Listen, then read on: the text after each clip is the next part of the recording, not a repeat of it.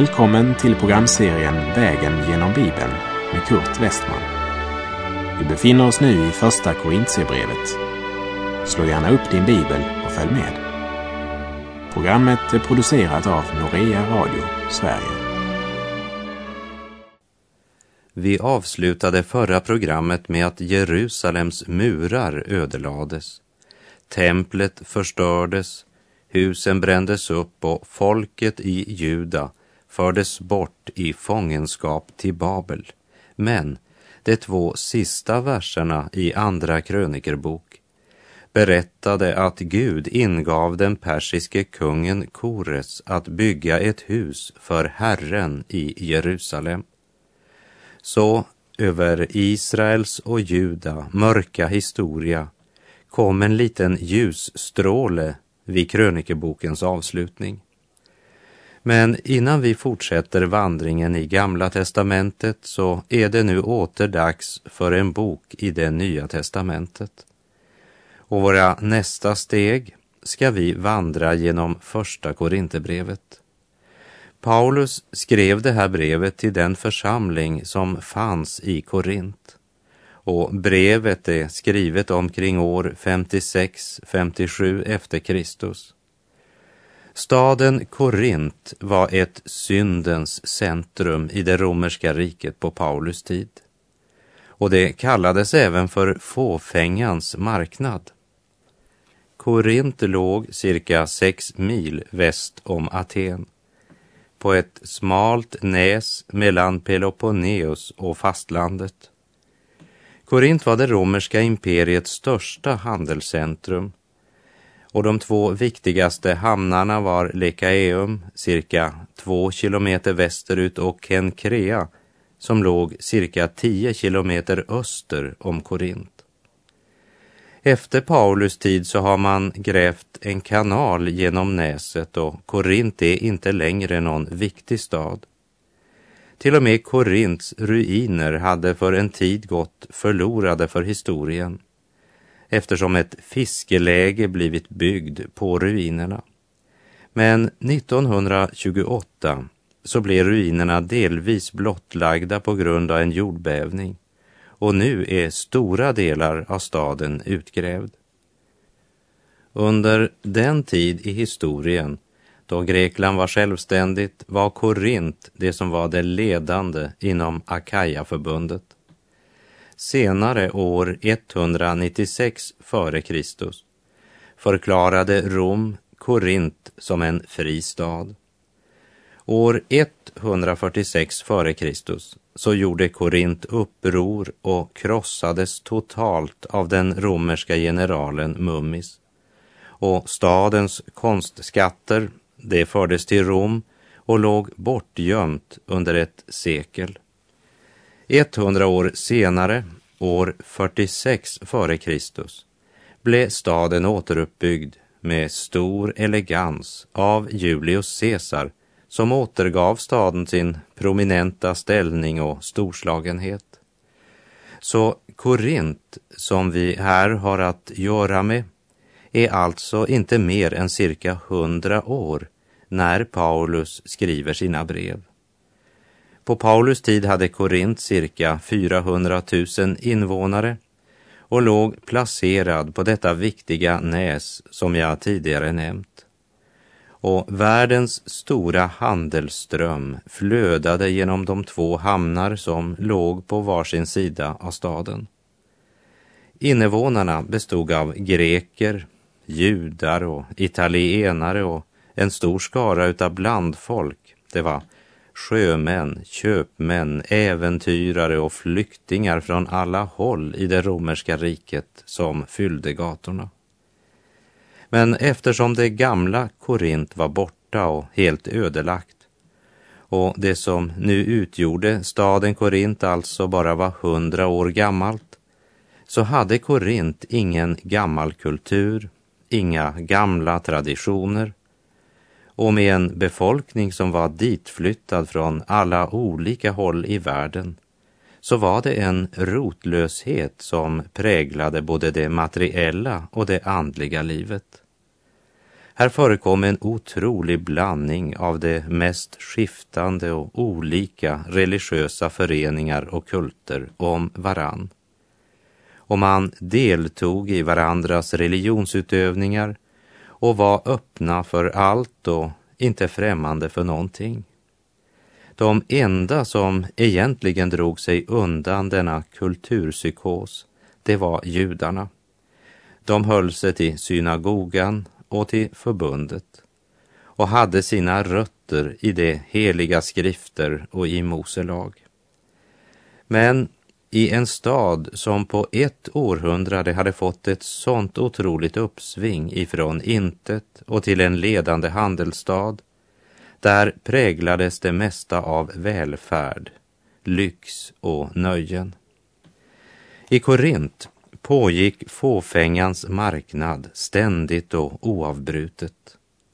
Syndens människor som levde i lastbarhet sökte sig till Korint. Ja, de kom från öst och väst och här förenades de i ett gemensamt mänskligt förfall och mänsklig vanära. Även religionen fick allt mer ovärdiga former. Ett magnifikt tempel var byggt till gudinnan Afrodite, eller Venus som vi känner henne, med romerskt namn. Och i det templet fanns tusen prästinnor som ledde deras så kallade gudstjänst. Och dessa tusen prästinnor var helt enkelt prostituerade.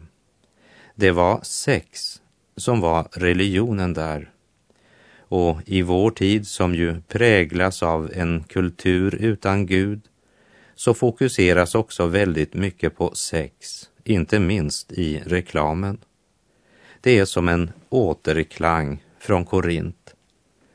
Men det var inte bara religionen som degraderats, men också filosofin var på förfall. Staden präglades av tygellöshet och nöjen och folket höll på med sina ändlösa diskussioner. Och det var till det förhållandet som Paulus kom och det var till sådana som han också säger, när jag kom till er bröder var det inte med stor vältalighet eller hög visdom som jag predikade Guds hemlighet för er. Jag hade nämligen bestämt mig för, när jag var hos er, att inte veta av något annat än Jesus Kristus och honom som korsfäst, som det står i början av kapitel 2. Det var ett folk som ägnade sig åt njutning, utsvävningar och dryckenskap och synden nådde de yttersta gränser i Korint. Ja, synden överskred alla gränser, den blev gränslös. För när människan överskrider en gräns är det svårt att sätta en ny gräns. Mot denna korrupta bakgrund så kom Paulus och predikade evangeliet i Korint. Han grundlade en kyrka där och senare skrev han två viktiga brev till församlingen i Korint. Paulus kom till Korint på sin andra missionsresa och Korint var slutstationen på hans tredje missionsresa. Och i Apostlagärningarnas artonde kapitel så omtalas ett och ett halvt års verksamhet som Paulus hade just i Korint. Och det var ju också i Korint som han mötte Priscilla och Aquila, de som hade blivit förvisade från Rom av kejsar Claudius.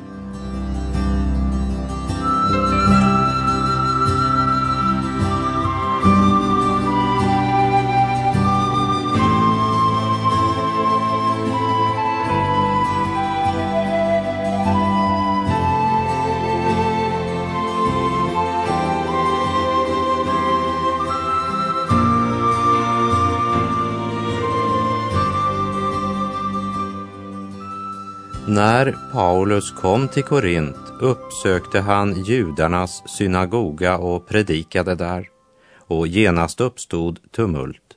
Liksom på de flesta ställen han besökte så blev det ju upplopp, kravaller och väckelse. och Korint var inget undantag.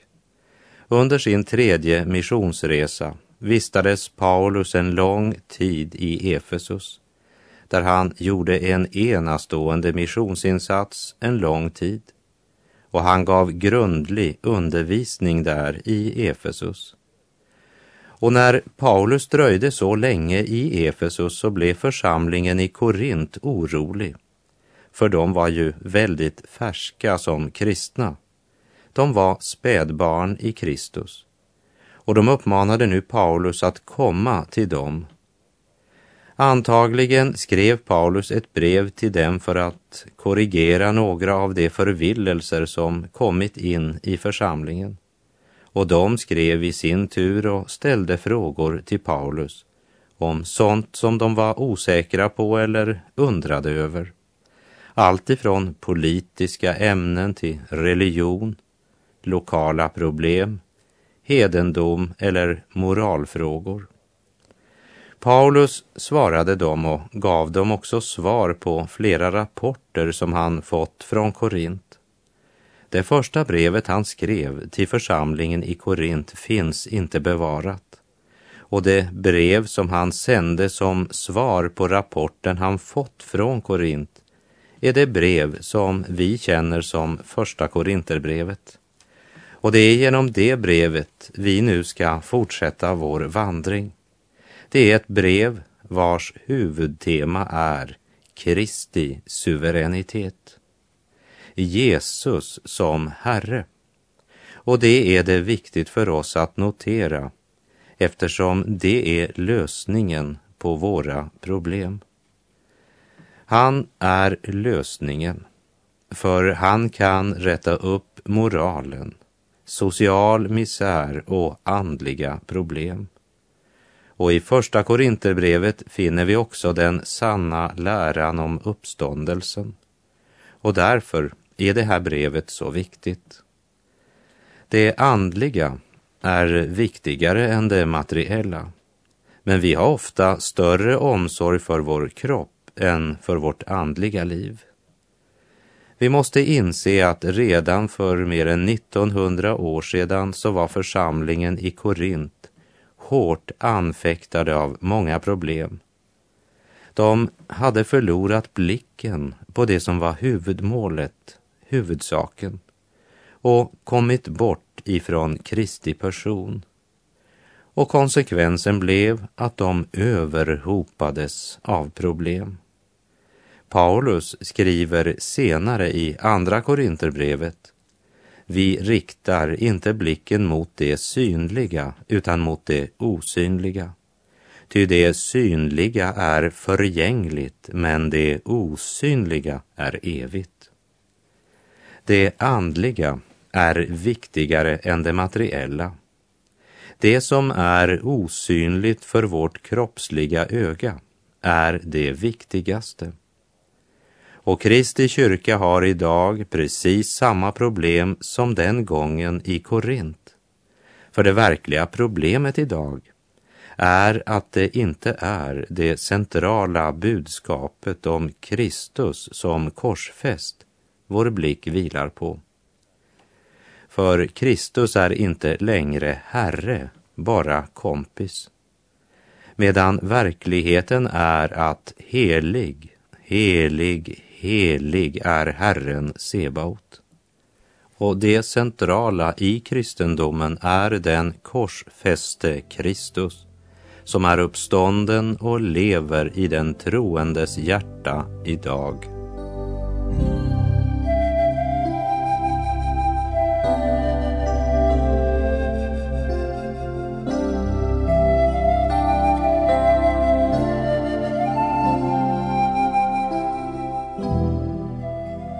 När vi nu börjar vår vandring genom Korinterbrevets första kapitel så är det den korsfäste Kristus som är kapitlets tema.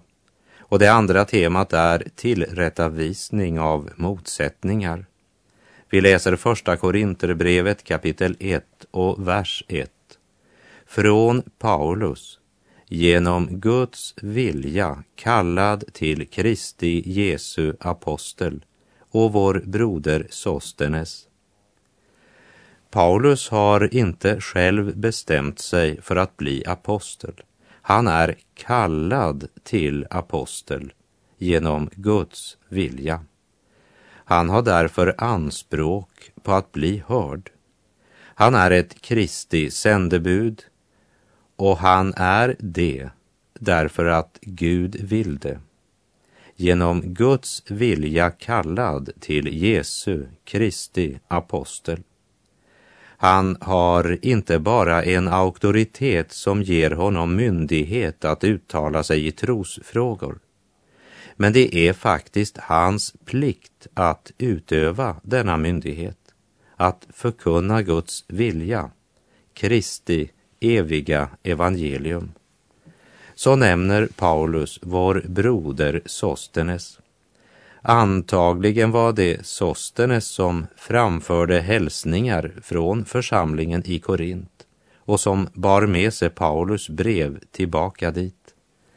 Vi läser vers 2 till Guds församling i Korint, det som helgats i Kristus Jesus, det kallade och heliga, tillsammans med alla dem som på varje plats där de eller vi bor åkallar vår Herres Jesu Kristi namn.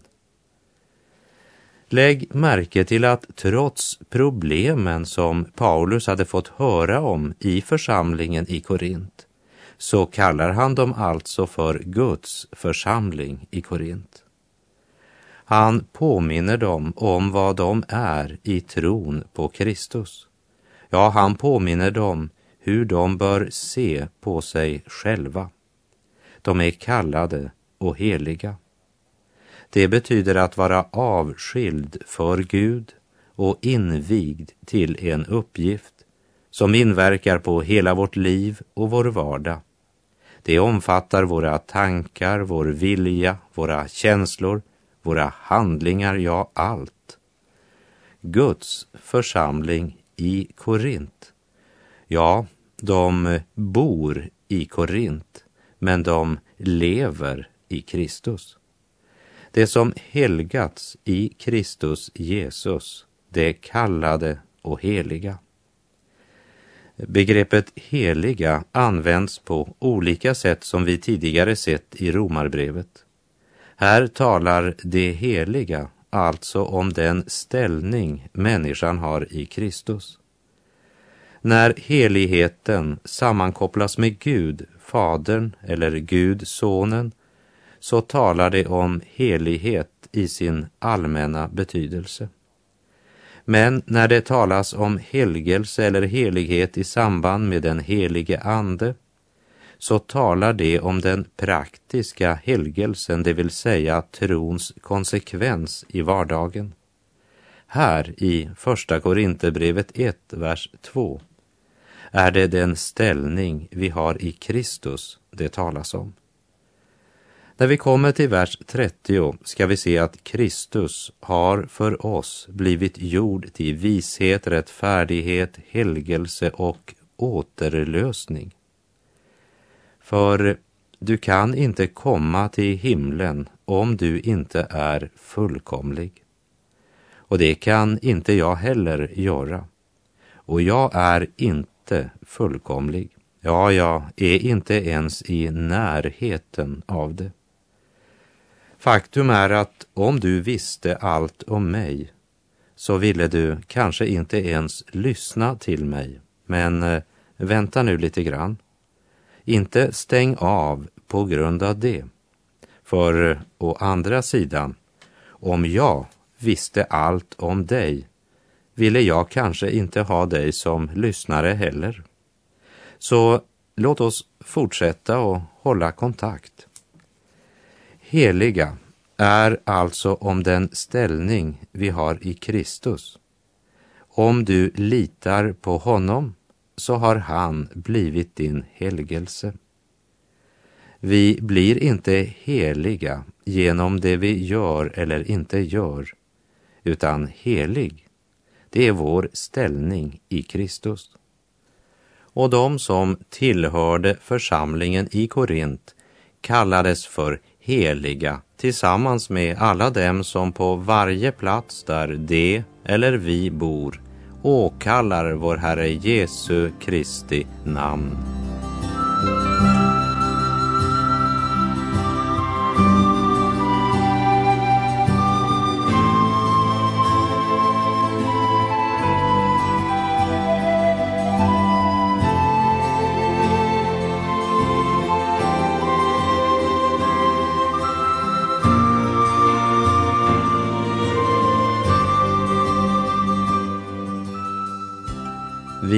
Läser i Första Korinterbrevet kapitel 1 och vers 3.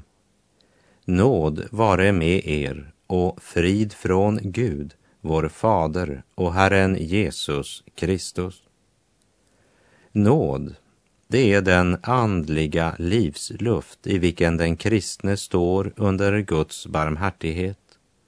Nåd är det grekiska ordet karis Frid är det hebreiska shalom. Här förenar Paulus de här två orden i sin hälsning och pekar därmed både på Guds kärleksväsen och dess konsekvens. Nåden är grunden, friden är frukten och de hör oskiljaktligt samman. Då vi alltså har förklarats rättfärdiga av tro har vi frid med Gud genom vår Herre Jesus Kristus, sa han i Romarbrevets femte kapitel. Och vi läser vidare första Korinthierbrevet 1, vers 4. Jag tackar alltid min Gud för er, för den Guds nåd som ni har fått i Kristus Jesus. Det här, det är inte någon ironi ifrån Paulus sida även om han är väl medveten om alla svagheterna i församlingen och problemen som de har. Men Paulus är full av omsorg för de troende i Korint, även om han har både ett och annat att anmärka på dem. Och han börjar med att låta dem veta att han alltid tackar Gud för de troende i Korint för den Guds nåd som de har fått. Här drar han hela saken in på nådens grund igen. Och nåden är inte något som de har strävat sig till, men det är något som de har fått. Och vi läser vers 5 och 6. Ty i honom har ni blivit rika på allt, i fråga om allt tal och all insikt eftersom vittnesbördet om Kristus har fått stadigt fäste hos er. Det är det Paulus talar om i Kolosserbrevet 3, vers 16 då han säger Låt Kristi ord rikligt bo hos er med all sin vishet. Undervisa och förmana varandra med salmer, hymner och andliga sånger och sjung med tacksamhet Guds lov i era hjärtan. Och när han så starkt fokuserar på Guds ord så handlar det inte först och främst om att memorera, lära det utan till, men om att lyda, det vill säga handla efter Guds ord. Det står inte av honom är ni gjort rika på allt, men det står i honom. Lägg märke till det. Vi läser vers 7 och 8. Därför saknar ni inte någon nådegåva medan ni väntar på vår Herre Jesu Kristi uppenbarelse. Han ska också styrka er ända till slutet så att ni inte kan anklagas på vår Herre Jesu Kristi dag. Församlingen hade fått en försmak av det kristna livets alla berikande gåvor. Men även om de är rikt utrustade så står de ännu bara vid början av trons vandring vilket vi klart kommer att se när vi i nästa program ska vandra vidare genom Korinterbrevet. Paulus förtröstan är att han som påbörjat verket i deras hjärtan, han ska styrka dem ända till slutet. Och det är uppenbart att Paulus önskar att alla nådegåvorna ska manifesteras i församlingen. Men fokuseringen ska inte ligga på gåvorna, men hos givaren. För det är till gemenskap med Jesus de, liksom vi, är kallade. Vers 9. Gud är trofast som har kallat er till gemenskap med sin son Jesus Kristus, vår Herre. Det är till gemenskap med Gud vi är kallade. Och frukten av den gemenskapen, det blir gemenskap med andra troende. Och i den gemenskapen har Gud delat ut nådegåvor. Det är enskilda som kommer att bära de olika gåvorna men de är givna som gåvor till församlingen och de gör oss till tjänare.